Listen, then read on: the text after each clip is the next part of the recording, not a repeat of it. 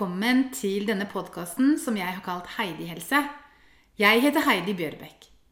Ukens gjest har kjent på følelsen av å gå fra et vellykket liv til å bli så syk at hun ikke lenger klarte å jobbe. Stine Jeanette Gåsland deler fra sitt hjerte hvordan det var å finne veien tilbake til et meningsfylt liv. Hennes spennende reise søken etter noe mer meningsfylt fant hun i mindfulness og yoga. Det med tilstedeværelse og bli virkelig kjent med seg selv har gitt henne de verktøyene hun trenger for å finne meningen med livet.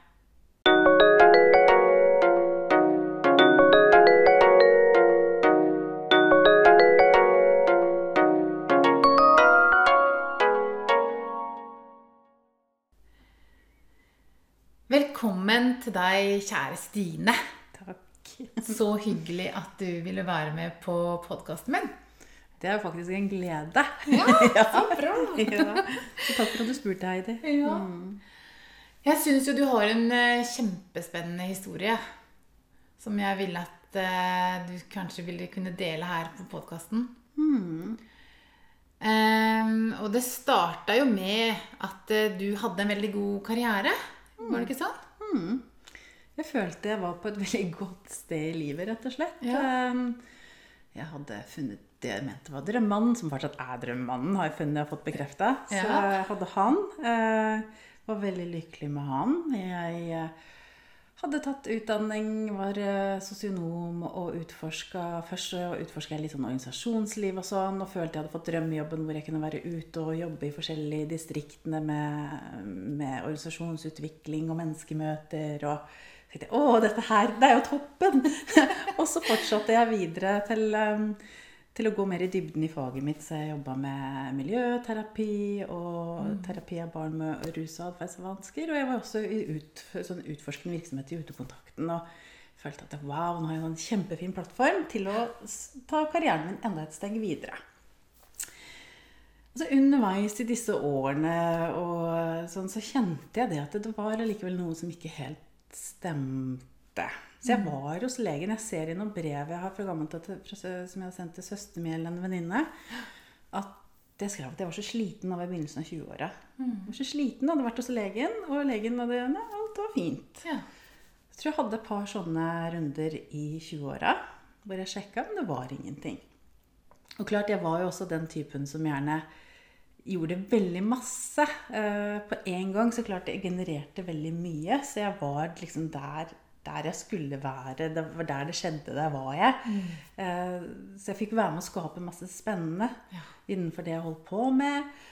Og mm, tenkte når jeg skulle begynne på videreutdanninga, så tenkte jeg mer sånn at ja, men da skal jeg liksom bli det, det, det høyeste jeg kan innenfor min, min yrkesgren. For det var, Ja. det var liksom en veldig sånn drive med at eh, kunnskap, det er både makt, og det er trygghet, og da, dit skulle jeg liksom, da. Ja. Men så, heldigvis, så ble jeg gravid og eh, fikk en sønn. Og i den fasen med å bære han fram, så kjente jeg på en sånn, sånn sårbarhet. Mm.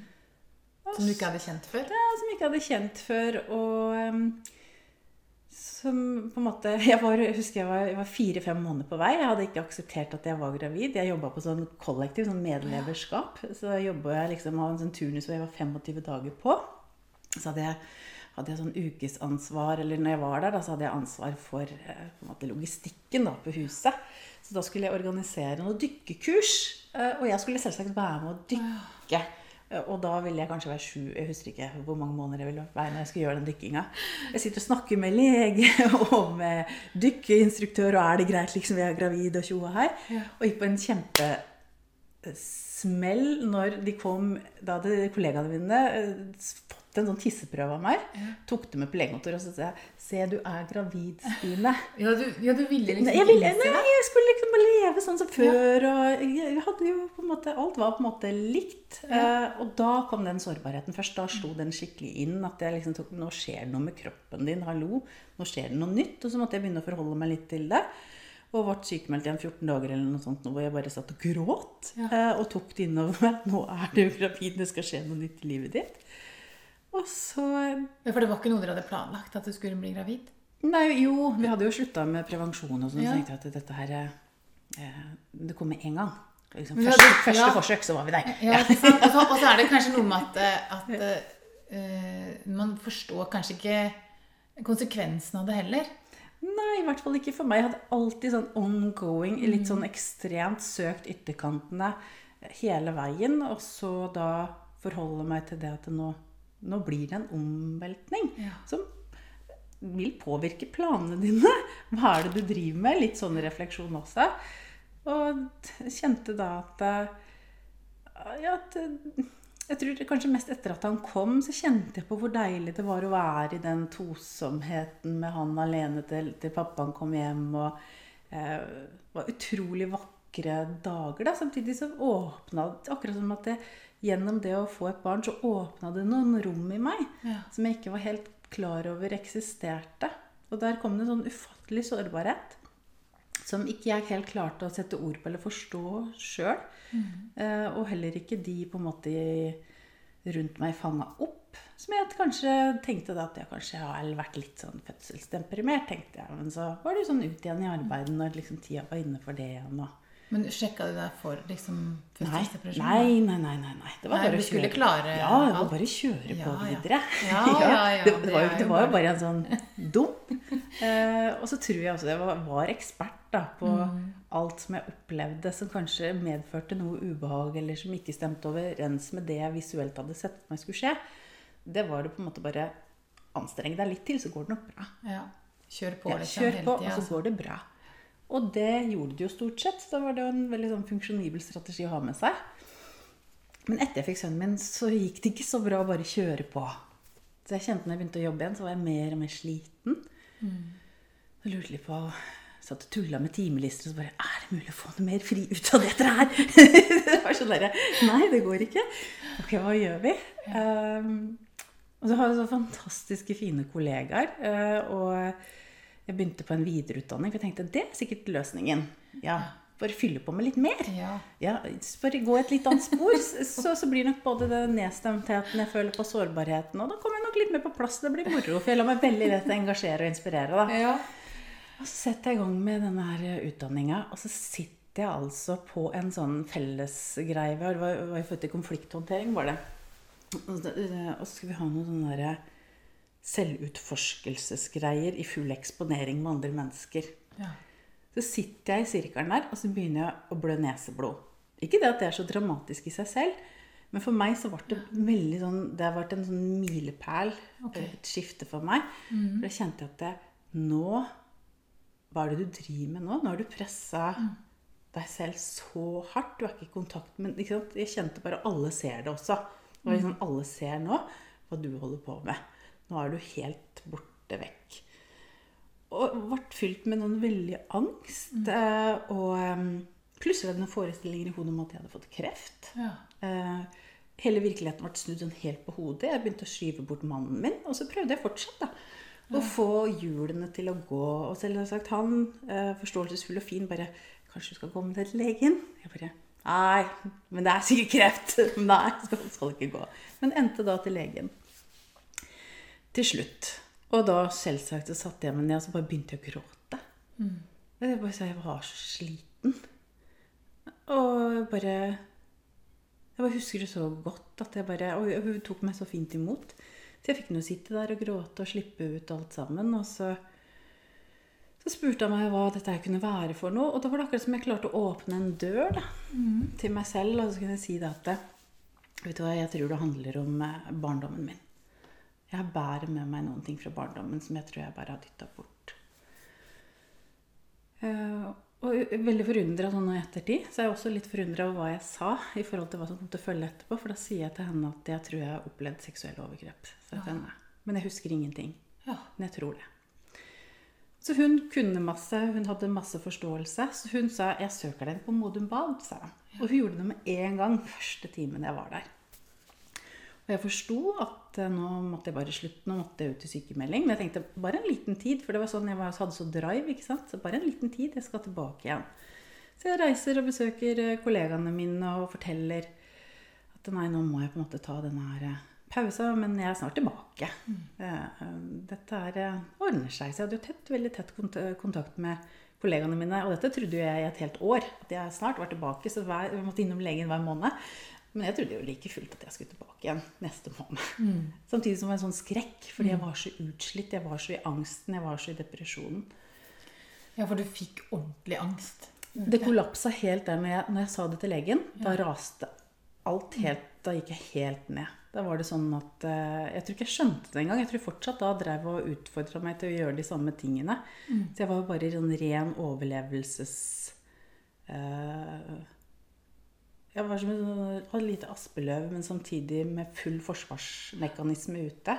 Så jeg jo- hadde ingen energi. vet du. Jeg var helt tom for energi. Så det året var veldig rart. Eh, som jeg sier, det, mørke året, for jeg husker ikke så masse. Um, da hadde jeg ikke fått noe hjelp. Det er jo veldig vanskelig å få hjelp også, i hvert fall hvis man tenker at det, dette her var traumeproblematikk. Da. Så, men du må ha psykolog, du må ha hjelp av Nav. Um, så det å få en match som passer i forhold til akkurat hva jeg trengte, det fikk jeg ikke helt. Uh, men jeg fikk en psykomotoriker som, meg, som har fulgt meg hele veien fram til noen år tilbake. Så det var veldig viktig. Men først når jeg kom til Modum Bad, da, så var det et skifte. Da kan jeg på en måte si at tilfriskningsfasen ordentlig begynte. Da hadde jeg allerede da, i fasen før, så hadde jeg liksom bare det er, så, det er fint ikke sant, når man har en sånn, eh, når man kan bruke sine negative, eller ikke negative, men de kanskje litt mindre hensiktsmessige drivene til å gjøre noe hensiktsmessig. For jeg var jo på søken når jeg var syk til å bli bedre også. Så jeg begynte jo med yoga. Ja. Eh, lett yoga, lett mindfulness.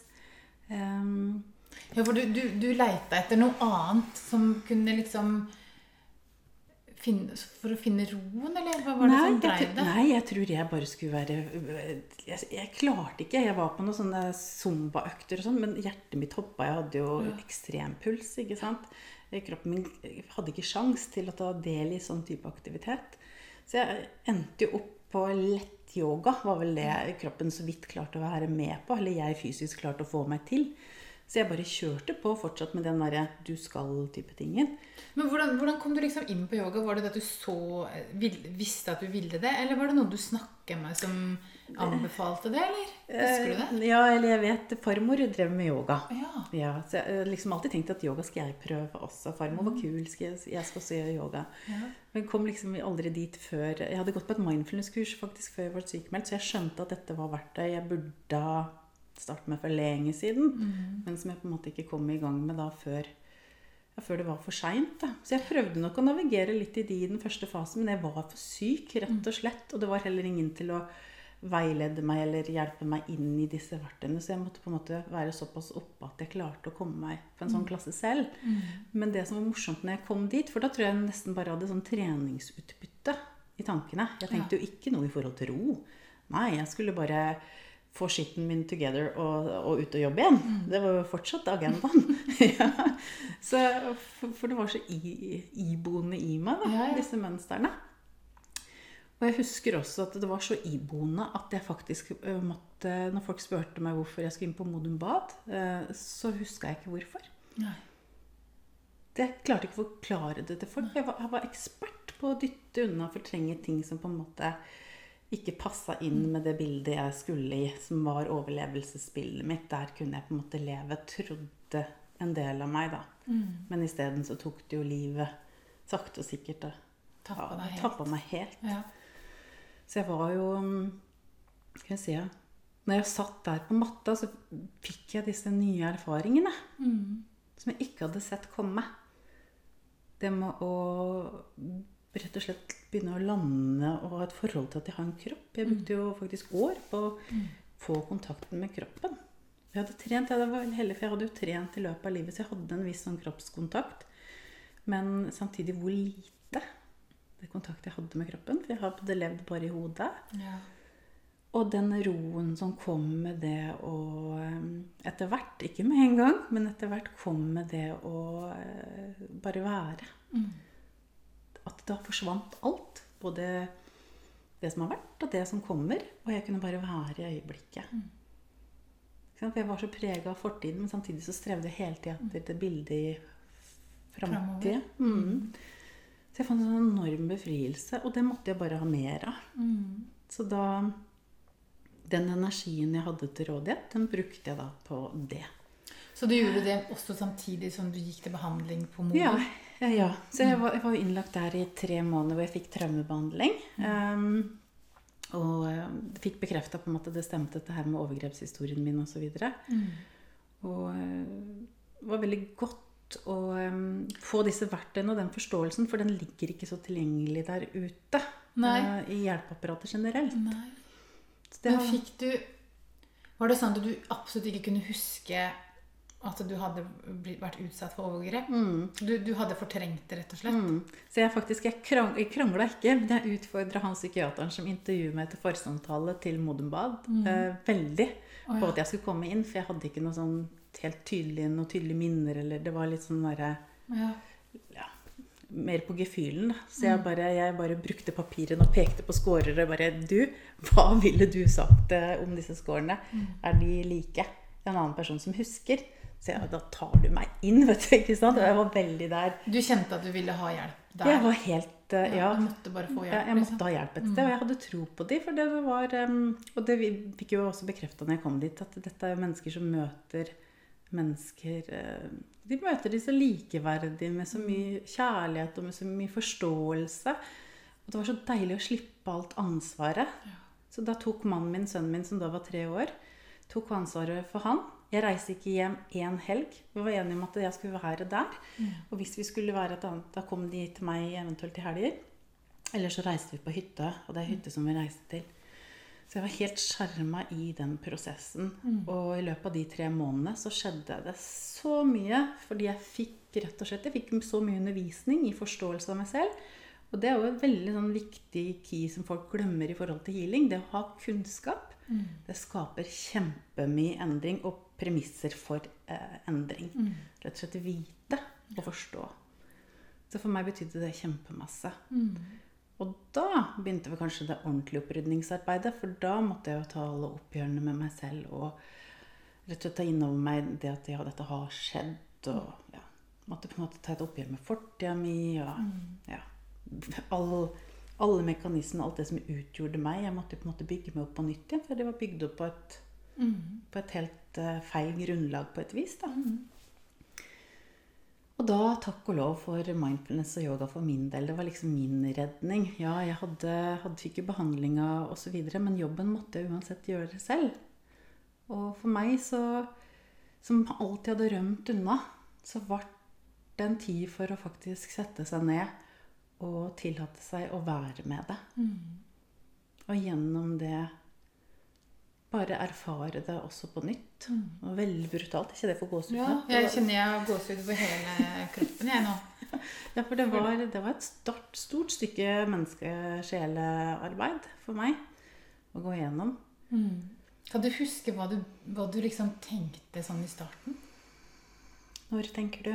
Når du starta med yoga, mindfulness og yoga, og når du gikk i behandling, altså hvordan du tenkte om deg selv og, og det du skulle gjennom, da. At du ikke huska noe av det som hadde skjedd med deg, men at du allikevel visste at det var skjedd noe som ikke var så bra da, for kroppen din.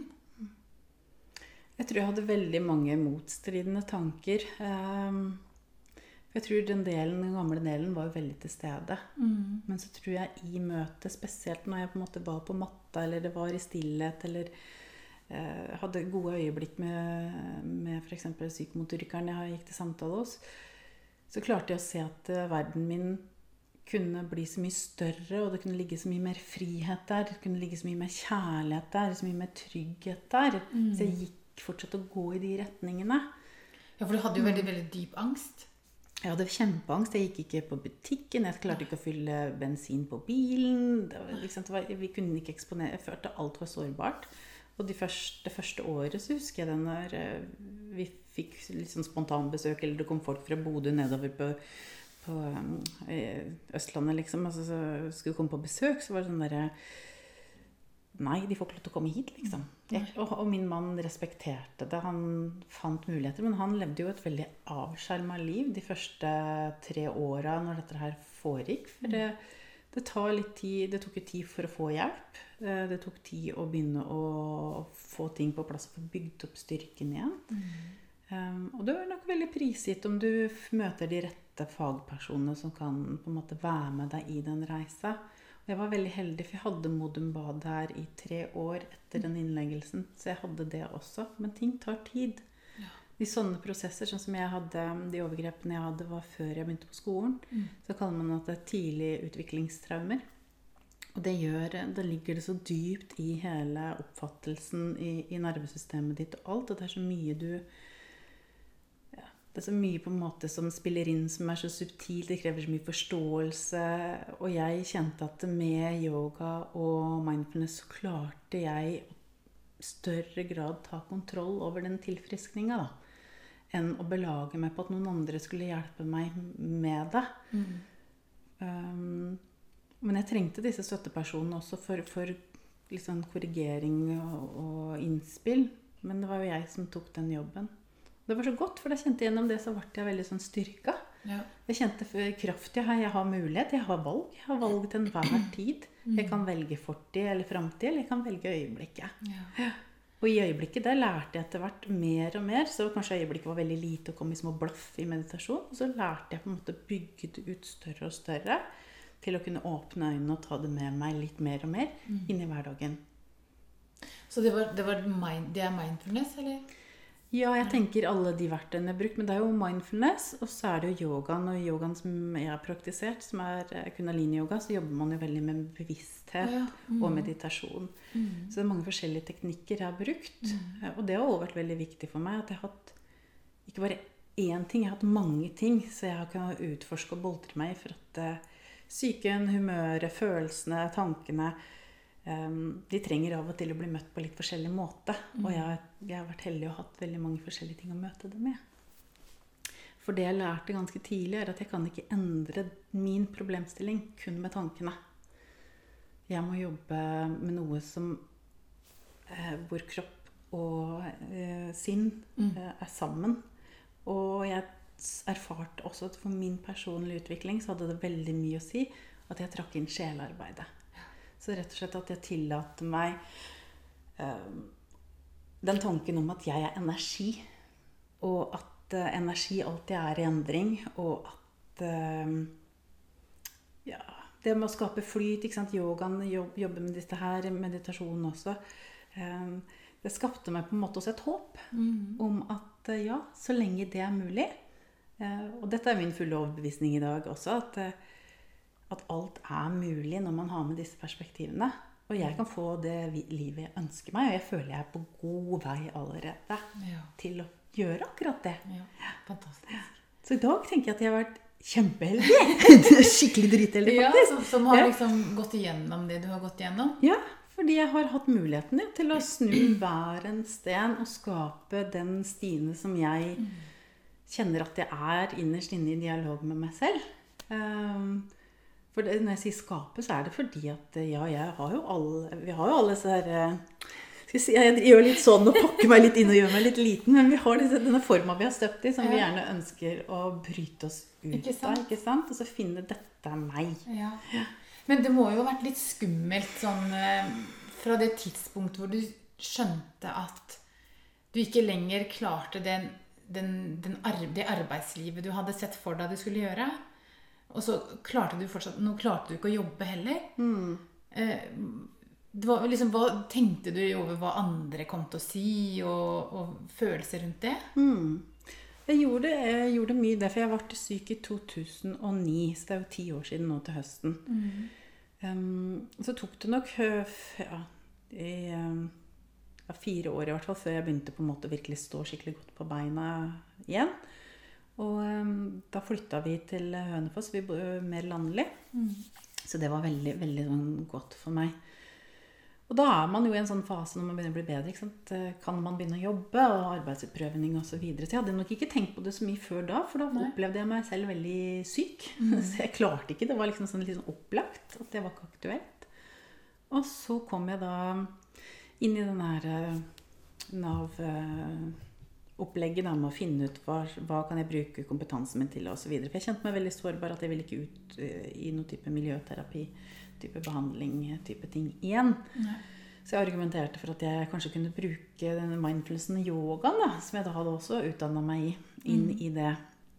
Og i hvert fall langt om lenge og en litt større prosess der, så ender jeg opp på Frisklivssentralen i, i nabokommunen der jeg bor. Det var kjempefint. Det var på en måte drømmejobben Ja, nå. ja. Å få lov til å jobbe på en frisklivssentral og være med å ha treningsgrupper, ha avspenningsgrupper, stressmestringskurs osv. Så, videre, og så, så der fikk jeg også etter hvert en, tilbudt en liten stilling. Ja, for du jobba liksom egentlig bare sånn gratis? Ja, Ja, Sånn som, Nav eh, ja. teste ut, Ja, liksom. Mm. Og så fikk jeg stilling der uh, som jeg også De kunne søke midler så jeg kunne få mer osv. Men allerede der da, så i den ut- utprøvinga, så hadde jeg gått litt for mye i gamle mønstre og skulle skulle prøve osv. I tillegg så var, gjorde det meg en viktig erfaring av min egen natur da at eh, sånn som jeg har skrudd sammen ennå, så er jeg så sensitiv at det er veldig vanskelig for meg å ha en arbeidsevne som er stabil. Og eh, det er veldig vanskelig å finne en arbeidsgiver som er interessert i å ha et menneske med arbeidskapasitet, men som ikke kan møte opp hver dag, og som kommer litt når det passer seg.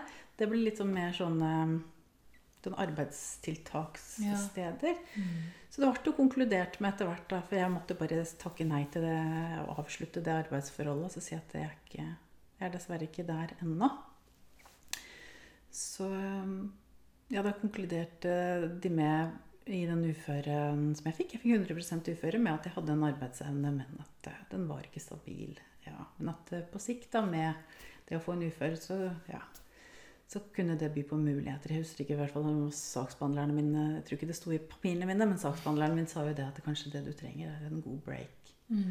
Det er jeg så takknemlig for. Og vi har et fantastisk velferdsstat, og vi har fantastiske, flotte regler i forhold til det nå å bli 100 ufør, syns i hvert fall jeg. For sånn som det jeg jo fortsetter å gjøre da, var jo å bygge på eh, erfaringene med, som yogalærer og meditasjonslærer. Så det har jeg undervist med, med det i fem år.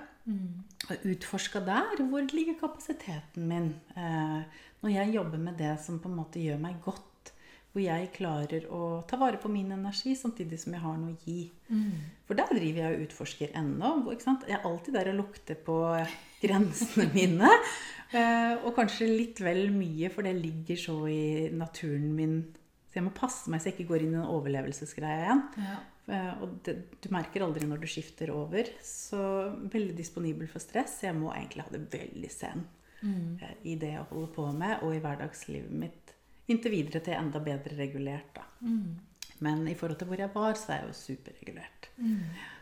Så, så der eh, har jeg muligheten til å utforske. Og kjenner jo også etter at jeg fikk uføren Eller det var vanskelig. Så etter, for å komme tilbake til det du spurte om for lenge siden. Ja, det har vært kjempevanskelig. Det vanskeligste faktisk har vært, er at jeg har tillatt meg å gjøre noe og syns. Og vise ansiktet og si 'hei, bli med på dette her'. Jeg, når jeg på en måte egentlig ikke jobber. Å ja. Ja. Sånn, ja. For, for når du på en måte reklamerer for kurs, og du driver med noe, noe sånt noe som på en måte anses som sunt og mentalt, og alt det greiene der, og, og, så, og så kommer du fra et sted hvor du på en måte har hatt noe uhelse på noe vis, så kjente jeg sjøl at jeg var veldig sånn utfordra i forhold til hva de andre skulle synes om det, og dømme meg for det. At jeg tok den plassen. Fikk du noen tilbakemeldinger på det? Aldri! Så det var bare i mitt eget hode. det var bare i mitt eget hode. Og i og med at det bare var i mitt eget hode, så har jeg jo gradvis bare turt å ta mer plass. Eh, Og så nå er jeg mer sånn at ok, hvis det kommer, så jeg gleder meg nesten til det kommer. For nå er jeg klar for det. Eh, Det gjør ingenting. Jeg har ikke Ja, det er noe frykt der. Det er det hele tida når jeg dytter grensene. Sånn som f.eks. å være med på dette, for dette er noe helt nytt. Men eh, jeg tenker det er så menneskelig, da. Og jeg, jeg vet så godt hvem jeg ønsker å være. Jeg ønsker å, ønsker å leve. Jeg ønsker å, ønsker å ta den plassen som jeg kjenner er gitt for meg akkurat der og da. Og veldig tro mot drømmene mine. Og jeg kjenner akkurat det med yoga og meditasjon. Det har betydd så utrolig mye for meg. Jeg har lært så mye om forståelsen av hvordan kropp, sinn og sjel henger sammen. Det er så naturlig for meg å dele det videre. Jeg må få noen kanaler ut og vise det på. Vet du hva, jeg synes mm. er så, ja, Du er så modig. Altså som som virkelig tør å eh, gjøre, gjøre det her. Og som du sier, da, eh, bare, så tenker du kanskje at hva, hva tenker folk når jeg egentlig er ufør og ikke, ikke liksom skal jobbe, da. Men så allikevel så, så gjør du noen ting. Men du gjør noen ting for helsa. Mm. Og jeg syns det er så fantastisk, fordi at det, Tenk så mange andre også som kunne gjort noe for seg sjøl, da. Og, og hatt, fått det mye bedre ved å tørre å gjøre det de kjenner er rett for seg. Mm. Jeg tenker helt tilbake til samtalen vår i starten. Bare det hvis man kjenner at det er noe som skurrer. At man har deler i seg selv. For jeg vil ikke si at hele meg var utslitt på et tidspunkt. Det var det ikke, Men da hadde deler av meg som var så slitne, fordi jeg hadde båret så mye. Og så lytte til de, og så faktisk få lufta de og bearbeida de, eller hva de nå trenger. Om de bare trenger å bli sett. Det trenger ikke å være noe hokus pokus den store greia. Hvor mye mer energi og hvor mye, mye mer til stede man kan være i livet sitt etterpå. Det, og man trenger jo ikke å drive med, med yoga og mindfulness. Det er sikkert mange veier å gå her, men for meg så var det liksom det, det jeg trengte for å ja, ta oppgjøret med meg selv. da. For det er mitt liv, mitt ansvar uansett hva som har skjedd. Det er mitt ansvar hvordan jeg forholder meg til det. Ja, og det at man ikke helt Det er liksom Jeg kan jo forstå deg at det var vanskelig å, å vite hvor du skulle begynne hen når du kjente at det var noe som skurra. Fordi hvor skal man liksom begynne å leite? Når ikke du huska noen ting, eller det var liksom borte. Fra, det var liksom slett, det var ikke kontakt med det i det hele tatt. Og det er jo sikkert det mange gjør, da. Vi kutter av den, eh, den følelsen, liksom. På, på det minnet. På de minnene som vi ikke vil ha.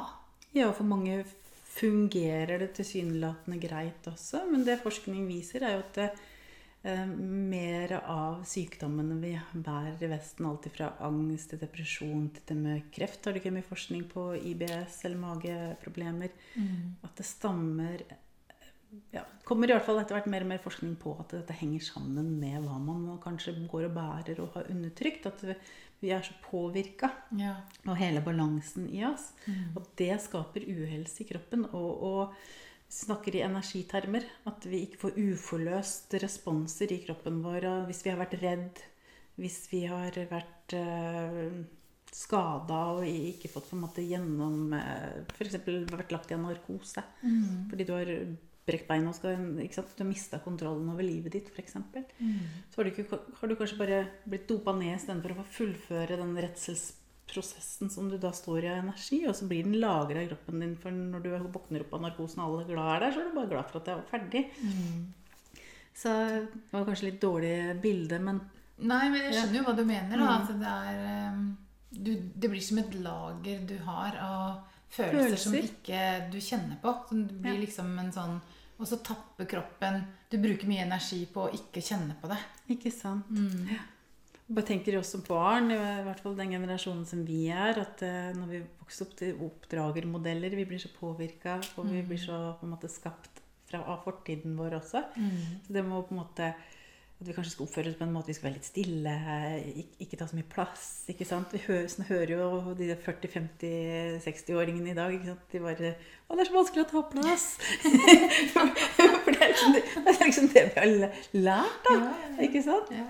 Så, og da har vi jo undertrykt Kanskje alle disse bevegelsene jeg sitter her nå og vifter med armene Det er undertrykte. ikke sant? Vi har liksom ikke hevd stemmen så masse. Nei. Ikke sant? Og så skal du ta tilbake dette etter hvert som du vokser. For noen faller det jo helt naturlig, men for andre så, man lære så blir man, forblir man kanskje litt der, da. Ja. Mm. Og tenk all den energien da som bare hoper seg opp på innsida, som bare Åh, Som skal ut. skal ut!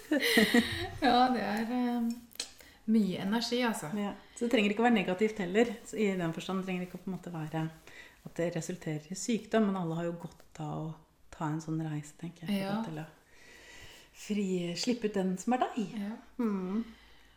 Men så Du var jo litt nysgjerrig på, den, på yoga, så du reiste ikke du på sånn yogafestival også? Jo. ja, jeg gikk litt sånn systematisk til verks. Vil du fortelle om det? Ja, gjerne.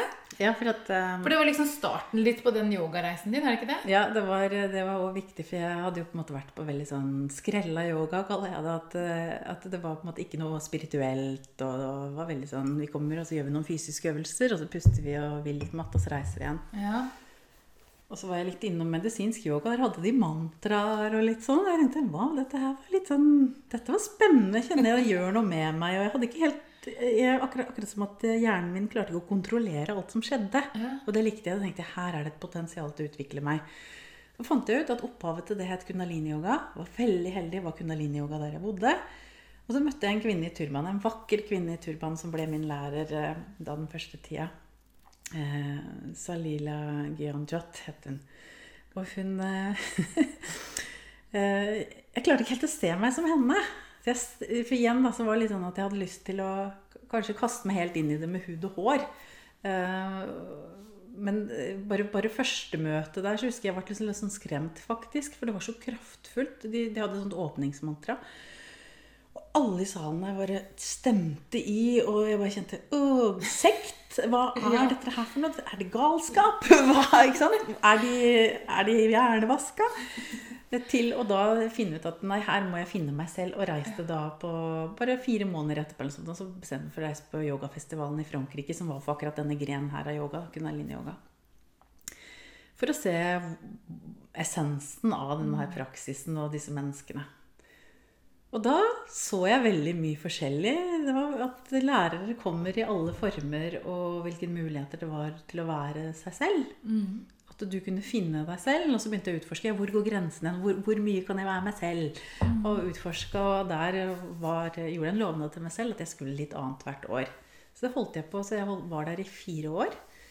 Eh, og så har jeg hatt opphold noen år nå fordi jeg tror jeg har på en måte løst løst det. Ja, litt. du har finne ut av hva du vil. Ja, finne, finne ut, eh, ikke for det kjempefint å reise dit, men, og jeg kommer helt sikkert til å reise tilbake, men jeg kjenner at eh, kanskje med et litt annet utgangspunkt. Jeg tror jeg har jeg tror på en måte kanskje har falt litt mer på plass i roen i meg selv at det er bra nok å være den jeg er. Jeg trenger ikke streve så masse verken det ene eller andre. Jeg trenger ikke masse mer utdannelse. Jeg kan fordype meg i det jeg har, og fortsatt er jeg bra nok, og jeg kan formidle. Jeg trenger, jeg trenger ikke noe mer enn meg. Hvis så lenge det er noen som kjenner energimessig at de vil connecte med meg, så gjør vi det. Og så skjer det som skjer. Og stort sett så er jo menneskemøtet magisk. Mm. Når man har det som utgangspunkt. Og da skjer endring. Da, da, det jeg påvirkes, den påvirkes. Det roa meg veldig. Altså. Ja. Ja. Så så det var viktig å ta de turene og sammenligne og alt det grann der som du egentlig ikke skal gjøre. Så, så var det litt godt for meg, for gjennom den prosessen så, så fant jeg plass, jeg fant øh, noen nye erfaringer, og så har jeg veldig tro på at sjelen leder meg. Så jeg hadde aldri noen plan der. Da bare fløyt jeg inn på den workshopen til den andre, og så da måte livet bare utfolde seg deretter.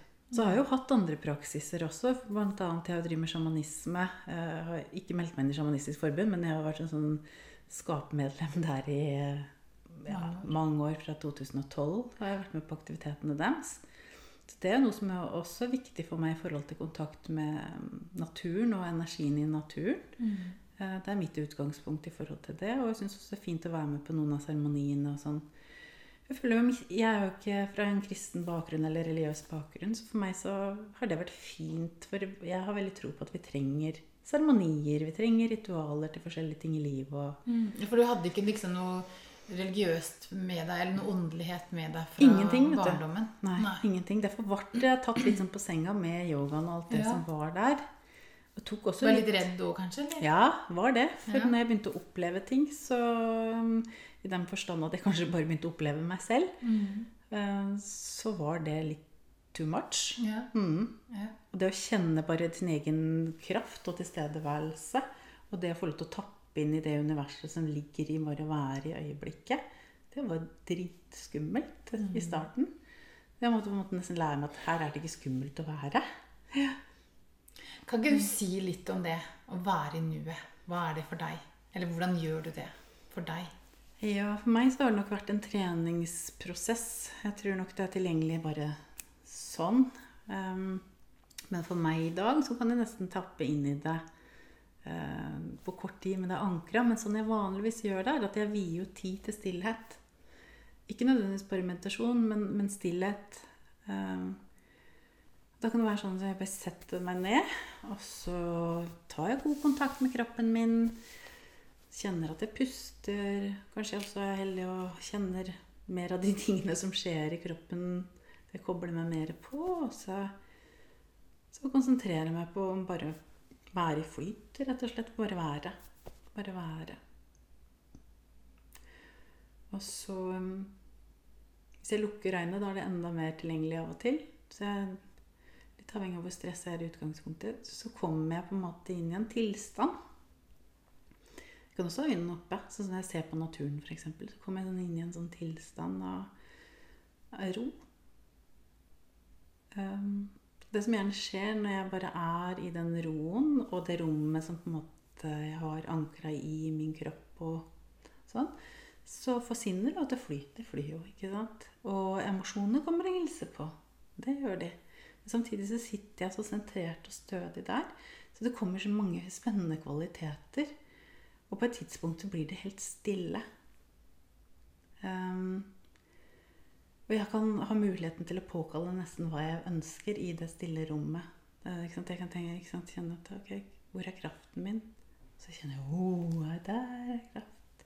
Hvor er sårbarheten min? Der er sårbarheten. Bare når jeg utforsker det, da.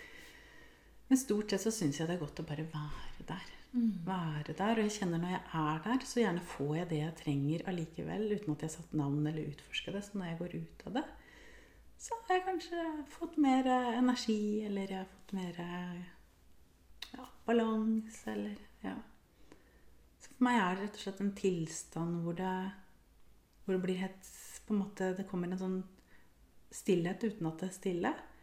Og jeg kobler meg på meg selv veldig. Og at jeg også kobler meg på alt det andre.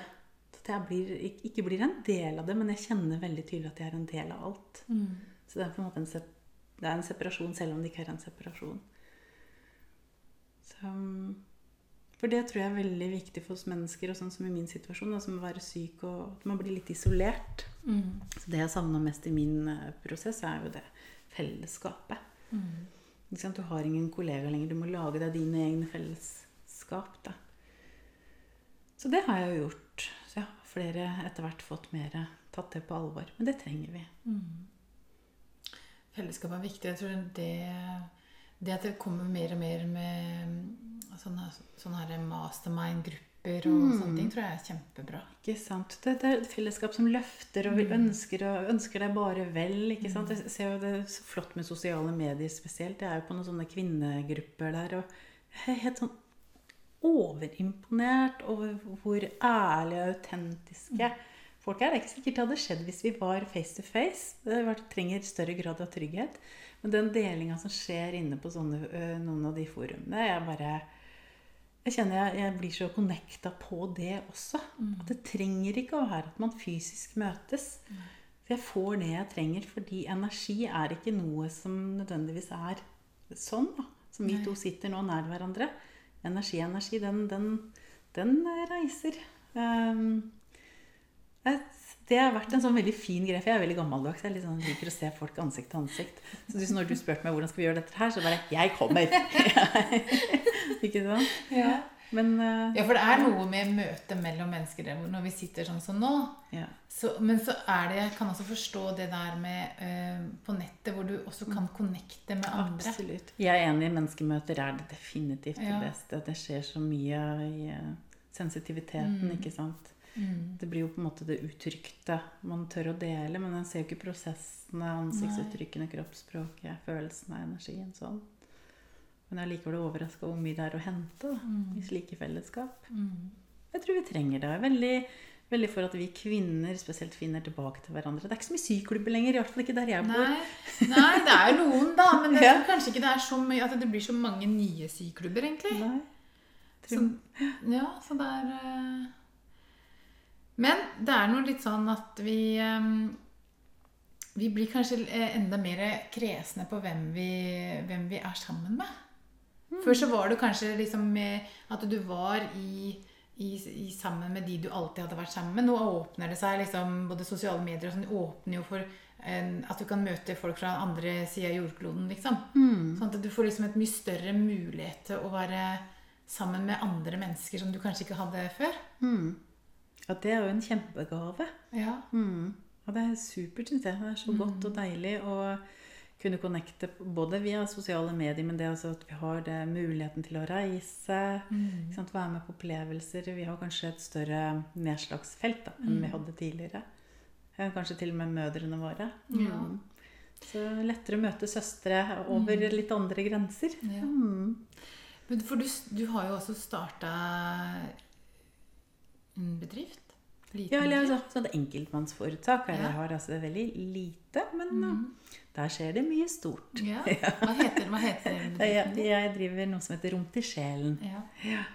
Det var på en måte utleda fra min historie at det var på en måte møte med sjelen. At, eh, at jeg så den største utviklinga begynte å blomstre når jeg fikk helheten. Mm. Så det, der driver jeg og har egne aktiviteter. Stort sett så har jeg bare ett yogakurs som går gjennom hele året. Men jeg samarbeider med en, en god yogakollega og venninne.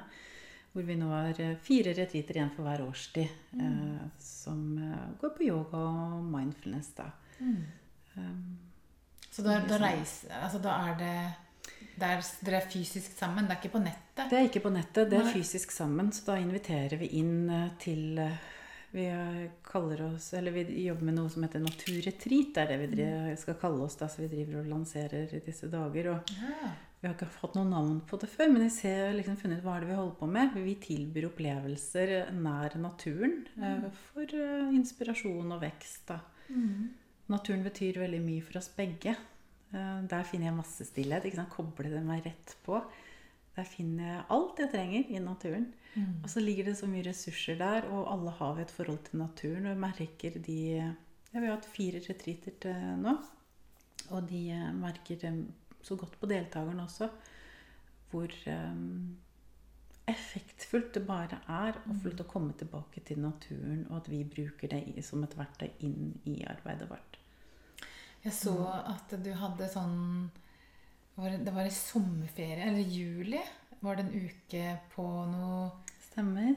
på fjell På noe sånn Mm, sommercampen. Ja. Fjellyoga den skal være nå 6. til 11. juli. Um, så der er det bare å bli med for de som ønsker det. Um, Det er en sånn flott perle oppe i Hallingdal, en by som heter Level. Hvor vi holder til oppi gamle, eller en sånn mellomstøl som familien til Tone har på gården. eh, Hvor vi bor i sånne gamle stølsbuer. Og en knutt liten stølsbu har vi i kjøkkenet vårt. Og vi har mest av praksisen ute så lenge været tillater det. Og vi går fjellturer midt på dagen. eh. Så det er liksom en sånn fin balanse i det å våkne opp, gjøre yoga, spise mat, lande litt, gå en fjelltur, komme tilbake, gjøre litt yoga, spise Ja. mat. ja. Ikke sant? Hvile litt. bare nydelig. Og bare samles til kvelden til en meditasjon og gå og legge seg. Og så er det såpass langt unna Ja. andre at det, du må liksom være der. Ja, så må du koble deg litt av sånn, sånn sant? sosiale medier. alt- For det er jo ikke elektrisitet, så vi har sånn lite ladebatteri. Sånn, Ja. Så vi på en måte må gå på rundgang. Så det er sånn der, legg bort telefonen. Ja, og det har fungert kjempefint. For da connecter vi også på en annen måte. Ja. Mm. Veldig vakkert. Veldig, veldig stolt av å kunne få være en del av det. Så sakte og sikkert så, så viser på en måte jeg meg selv veien til hva jeg ønsker. Ikke sant? Og dette er virkelig noe jeg ønsker. Som jeg ønsker å tilby. Og det fungerer fint med min arbeidskapasitet. Sånne korte, tidsbegrensa ting enn at jeg har noe kontinuerlig i forhold til stabiliteten. For da kan jeg på en måte sette av tid til å hvile osv. på forkant.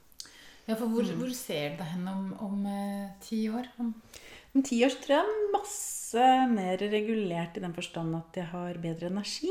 Um, og jeg tror da at jeg Hvis jeg tenker hvor jeg kommer igjen uh, nå, så tenker jeg 'sky is the limit'. Altså. Ja. Ja.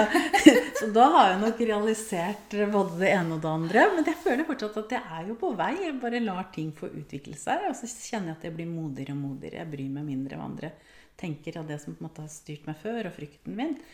Så jeg tror alt er mulig. Og så tenker jeg sjelen forleder meg dit jeg skal. Ja. Så er det ikke nødvendig sånn at jeg skal opp, oppnå noe stort heller. Eh, Det viktigste er at jeg har det bra. Det er det aller viktigste. At jeg har det godt med meg selv og meg og mine. Den går først. For jeg har ikke råd til å la de neste 40 åra på en måte skal være i litt det samme dusen som de første 30. Det går ikke. Nei. Du vil endre Jeg-. Jeg skal på en måte fortsette å ivareta, for dette er en sånn dagsjobb å rydde og sortere og stå i meg selv og Ja, for alltid kommer det gamle spøkelser på besøk som på en måte vil kanskje ha litt plass. Og da er det sånn hverdagslivet, ikke sant. Da må det på en måte Jeg har jo muligheten til å rydde og parkere det. Og, og da må jeg tillate det til å være i prosessen så lenge det trengs. Mm. Men det jeg ser Jeg har jo hatt en flott utvikling disse ti årene, så jeg tror jeg blir frisk. Jeg tror det. I frisk i den forstand at, eh, at jeg kan jobbe så mye jeg ønsker. Og at jeg kan, eh, kan på en måte livnegne meg selv da, uten staten. Det er målet ditt, eller? Jeg vil ikke si det er målet mitt, for det tenker jeg det låser meg inn Ja. i noe greit. Men jeg har veldig tro på menneskepotensialet. Mm. Så har jeg veldig tro på at det er mulig, og så aksepterer jeg det som skjer på veien. Og jeg strever ikke. Jeg bare er i det, og sånn som det er nå, med det motet jeg har akkurat nå, og akkurat uh, i den fasen jeg er i, så bare nyter jeg det og føler meg så takknemlig for at jeg har muligheten til å ha det så godt som jeg har det. Ja. Mm. Fantastisk.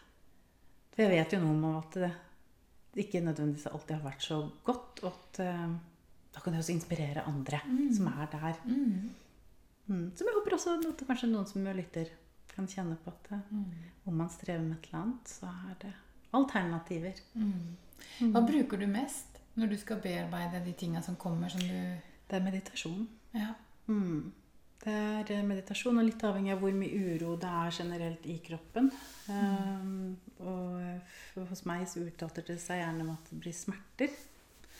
Så da må jeg kanskje gjøre litt yoga først for å finne ut litt om det.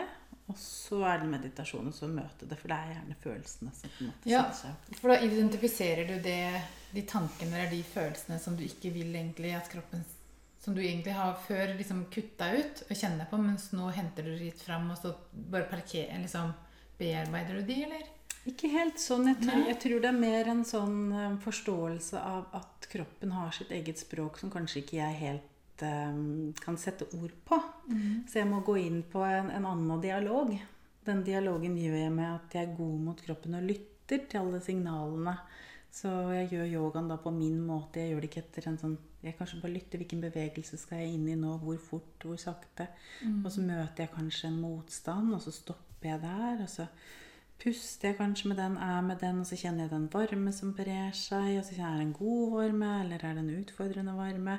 Og så utforsker jeg egentlig sånn, og så kanskje kommer det noen tanker. Men stort sett så kommer det ikke tanker, for dette her er det er så, um, alt vi har opplevd gjennom livet, om det er eh, vanskelige ting eller gode ting, så tar vi det imot med kroppen vår. Eh, og hvis det ikke er forløst Jeg har også opplevd at jeg, aldri, at jeg ikke har forløst glede. Så jeg har sittet i meditasjon og holdt på å leve meg i hjel. Vært så glad. Når jeg egentlig tror jeg skal sitte der og nigrine. Men jeg sitter og bare superglad. Fordi det har vært undertrykt. Ja. Ikke sant? Så, ja, så alle følelser, både de gode følelsene og de triste følelsene. Det er veldig vanlig at disse tingene kan dukke opp. Så jeg rett og slett bare prøver å være med det som er. Og når jeg gjør det, så får kroppen tillit. Sinnet overgir seg mer. eh, Og det blir tydeligere Jeg får en tillit som på en måte styrker sjelekraften min, eller hjertekraften, eller hva du vil kalle det. Um, til å stå enda stødigere i meg selv. Og jeg regulerer jo på en måte nervene mine. Det er jo egentlig det jeg gjør når jeg gjør, jobber så i samarbeid med kroppen. Og gjennom det så blir jeg heala, tenker jeg da. Det er min forståelsesmodell av det. Så, så det er egentlig ikke noe sånn Det handler om tilstedeværelsen. Å være der med og bevisstheten. Mm. Tusen takk, Stine. Tusen takk. Heidi. Men du, vet du hva? Ja. Jeg har noen sånne korte, små spørsmål da, som jeg tenkte jeg ville eh, spørre deg. Så jeg pleier å spørre alle gjestene mine om. Ja. Hvordan startet du morgenen din i dag? ja, jeg har en vanlig rutine med at at eh, jeg våkner idet mannen min eh, står opp. Så en time før våkner jeg litt. Da ligger jeg i senga, og så døser jeg litt, grann, og så prøver jeg å finne ut hva er det jeg drømte om i natt. Jeg er Veldig opptatt av underbevisstheten min. Hva, hva er det jeg driver med nå? og innom, innom å sjekke det, og så hvordan det resognerer i kroppen. Og så er det å sjekke kroppen, og hvor jeg er hen i kroppen min. Og så setter jeg gjerne en intensjon for dagen før jeg går opp. Og i dag hadde jeg veldig deg i tankene i og med at det var det neste jeg skulle. Mm. Så i dag starta det sånn at jeg ønska en god dag for meg og deg. Å, Ja. så hyggelig. Eller så var det den vanlige hverdagen. Gjøre meg klar. Spørsmål nummer to, da. Har du noen favorittdrikk? Nei, det tror jeg ikke. Det avhenger nok veldig av situasjonen. og Det er ikke noe du liksom må ha hver dag? Da er det teen. Da er det akkurat yogite. Classic yogite. Den er, den, da. den er eh, veldig høyt på lista.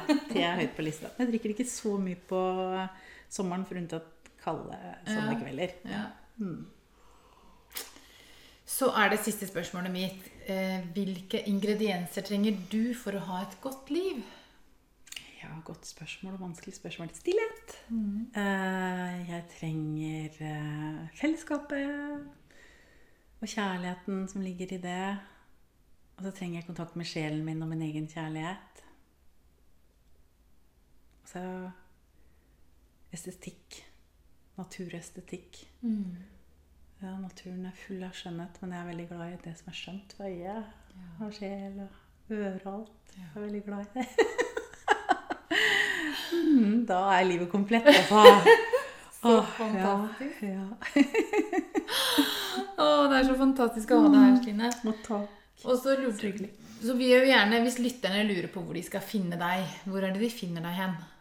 Eh, ja, da er det Rom til sjelen på Facebook. Jeg er jo ikke sånn veldig out there ennå, men foreløpig så er det Rom til sjelen på Facebook. Da, så søk opp det. Da går det an å sende meg en melding osv. Hvis det er noe du lurer på. Som sagt så lanserer vi da den der eh, retreat-siden nå i disse dager, så hvis man går inn der, så får man også link dit. Mm. Så bra. Det er bare å ta kontakt hvis man ønsker det. Ja. Ja. Det er veldig ufarlig. Tusen takk, Stine, for at du ville være med i denne episoden. Takk, Heidi. Det har vært kjempehyggelig. Ja, veldig fint. Men tida gikk jo så fort. Når man sitter i godt lag. Ja, ja. Og så Ja. vil jeg bare si tusen takk til deg som hører på. Og så blir jeg kjempeglad om du tipser andre som du tror vil høre på denne episoden. Og rate den gjerne i din podkast-app. Og da gjenstår det bare å si ha det bra. Ha det bra. Ha det.